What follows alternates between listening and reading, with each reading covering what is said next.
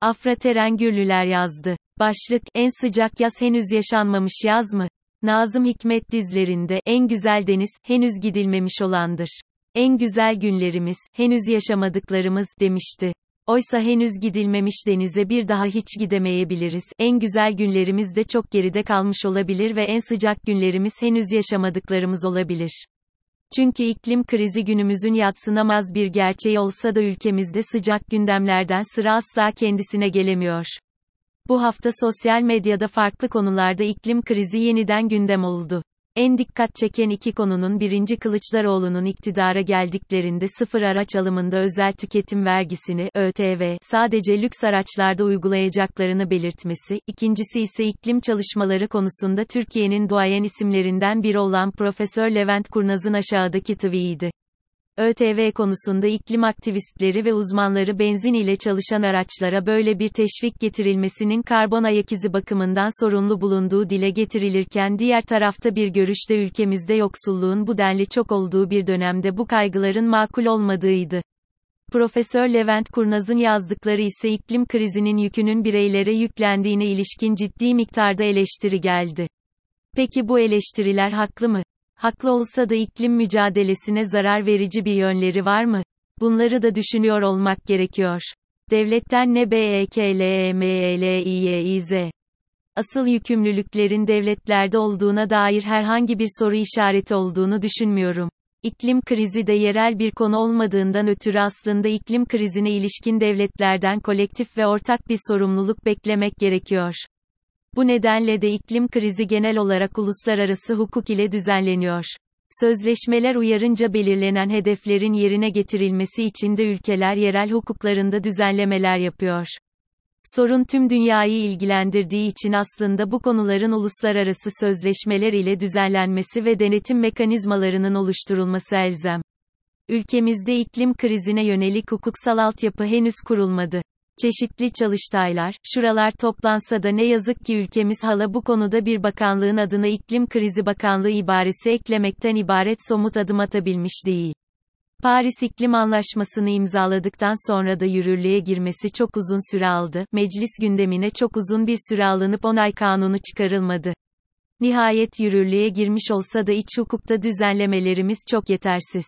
Bu haftaki tartışmaları da göz önüne alarak kısaca devletin yükümlülüklerinden bahsetmek istiyorum. Devletin her konuda olduğu gibi çevre konusunda yasama aracılığıyla hem gerekli düzenlemeleri yapma hem de yürütme ve yargı aracılığıyla da getirilen yükümlülüklere uyumu düzenleme yükümlülüğü var. Devletin yükümlülüklerine birkaç örnek üzerinden bakmakta fayda var. Son birkaç aydır sıklıkla gündem olan plastik atık ithalatından başlayalım. Bunun amacı geri dönüşüm ürünü yaratmak olabilir mi? Pekala olabilir. Gerçekte öyle mi buna bakmak gerekiyor. Almanya'nın yıllardır yaptığı toplam geri dönüşümden daha fazla plastiği ithal etmek pek de realist değil. Bu geri dönüştürülemeyen çöplerin yakıldığı gömüldüğü iddiaları da ortada. Bu durumda devletin görevleri konusunda birkaç hususu gözler önüne seriyor aslında. Birincisi eğer geri dönüşüm için madde ithalatı söz konusu ise ülkemizde yapılabilen geri dönüşüm miktarı belirlenmeli, tesis kapasiteleri ve ancak ülkemizdeki mevcut atıkların tamamı geri dönüştürülebilecek imkan varsa kalan kapasite için bu yol seçilebilir. Bu yasama ile düzenlenmeli. Sonrasında da bu konuda her fil denetlenmeli ve eğer aykırılık tespit edilirse gereken ceza verilmeli. Asbestli gemi konusu da yakın zamanda gündem oldu mesela. Ali Ağa Gemi Söküm Tesisi bölgedeki en başarılı tesislerden biri olarak nitelendiriliyor. Gemi söküm faaliyeti bir geri dönüşüm faaliyeti olarak görüldüğünden tamamen yasaklanması doğru değil. Fakat bu faaliyetin çevreye zararı değerlendirilmeli. Nitekim gönderilmesi planlanan geminin ikizine ilişkin İngiltere'de çıkan haberlerde Türkiye'nin AB standartlarının çok altında bir çevre politikası olduğundan bahsedildi.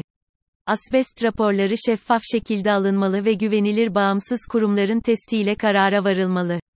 Bunların hepsi de devlet tarafından düzenlenmiş olmalıydı ve denetleniyor olmalıydı ancak bu konuda da eksikler olduğu açık. Başka bir güncel örnek de akarsulara karışan siyanür konusu. Nokta. Burada da tam olarak denetim eksikliği ile karşı karşıyayız. Bunlar yok sayabileceğimiz ne olursa olsun diyebileceğimiz olaylar değil. Zira bu kirlenmeler nesiller boyu sürecek bir felaketin kapısını açıyor. Ormanlarla ilgili de aynı şey söz konusu. Orman alanlarının en büyük sebebi insanların ormanlık alan ile teması. Ancak gerek orman yangını çıkmasının önlenmesi gerekse sonrasında atılacak adımlarda gerekli tedbir ve kontrollerin alınması, varsa sorumluların cezalandırılması ve en önemlisi bu alanların orman alanı olarak korunmasını sağlamak da devletin görevi ve bunları yapmadıkça çevre hakkı ve iklim değişikliği mücadelesinde gereklilikleri yerine getirdiğini söyleyemeyiz. Devlet gerek şu anki vatandaşlarını, gerekse gelecek kuşakları koruyacak, iklim ve çevre adaleti sağlayacak düzenlemeleri yapmak gerekli denetimleri sıkı tutmak zorunda. Bireylere düşen yükümlülük yok mu? İklim krizi ve çevre tartışmaları gündem olduğunda bireyin sorumlulukları konusu da haklı olarak ciddi bir tartışma halini alıyor.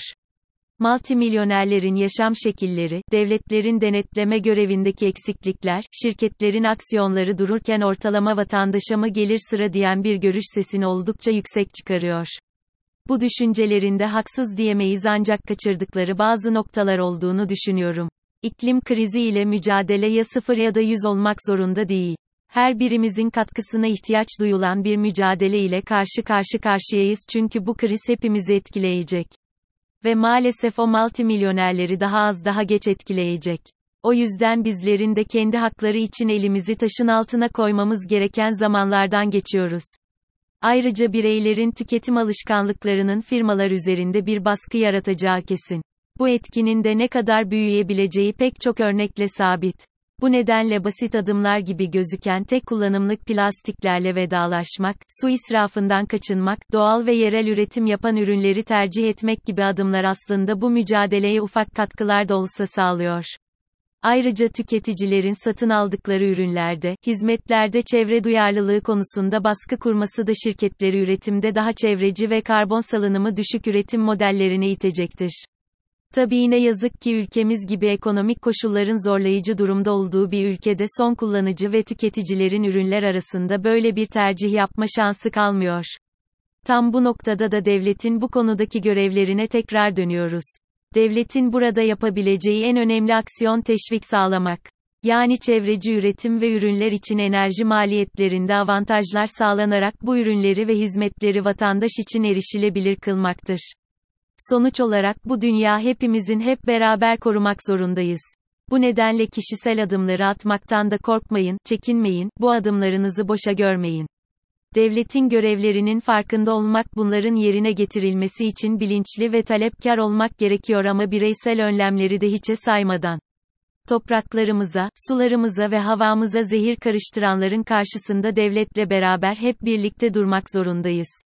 Mücadele hepimizin. Devam eden haftalarda iklim hukukuna ilişkin daha detaylı yazılarla sizlerle olacağım.